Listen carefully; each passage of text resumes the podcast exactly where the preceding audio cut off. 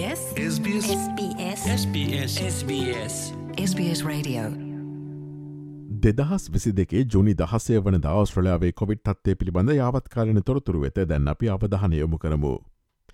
ගතෝපය විසිහතර තුළ ස්්‍රලයාාවෙන් කොවිඩ් මරණ පනස්නාවයක් වාර්තාාවේ ඇති අතර වික්ටෝරිය ප්‍රාන්තයෙන් කොවිඩ් මරණ විසි දෙකක්ද නිවසොත්තස් ප්‍රාන්තයෙන් මරණදා හතක්ද කුන්ස්තන්ත ප්‍රාන්තයෙන් මරණ දහතුනක්ද ඊට ඇතුළත් වනවා.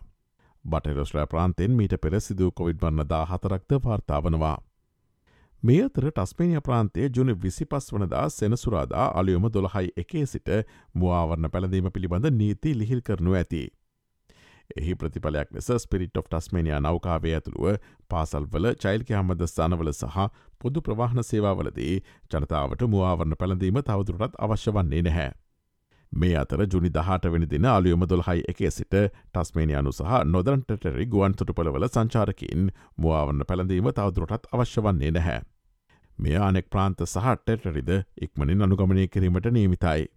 කෙසේ වෙතත් සියලුම ගුවන් ගමන් සඳහා මුවාවරණ පැළඳීම තවමත් අනිවාර්ය වනවා.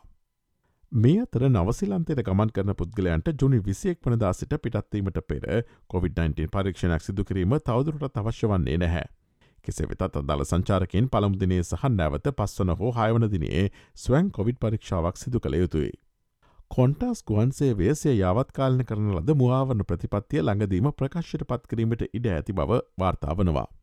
ගුවන් ගමන්වල මුවාවරණ පැළඳීම අනිවාරෙන් නුවන අමරික එක්සත් ජනපදය එක්සත් රාජධානය සහ යුරෝපය වැනි ගමනාන්ත වෙත ගුවන් ගමන්වලදී මුවාවන්න පැළඳීමට මගින්ගෙන් තවදුරටත් ඉල්ලා නොසිටිනුව ඇතැයි අපේක්ෂා කරනවා.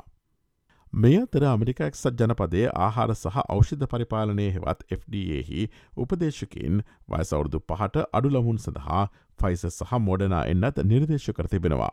කෙසේ වෙතත් FDA සහ රෝගපාල මධ්‍යස්ථාන තමත් ඒ සඳහා අවසන් අනුමැතිය ලබාදී නැති බවද වාර්තාවනවා. ඔස්ට්‍රලයාාවේ COොVID-19 හා සම්බන්ධ නවතම තොරතුර දැන ගැනීම සඳහා ps.com.tu4/ සිංහල වෙබ් අඩුවේ වෙත ගොස් ඉහලින් නැති කොරුණාවයිරස හා සම්බන්ධ තොරතුර යන කොට සමත කලික් කරන්න.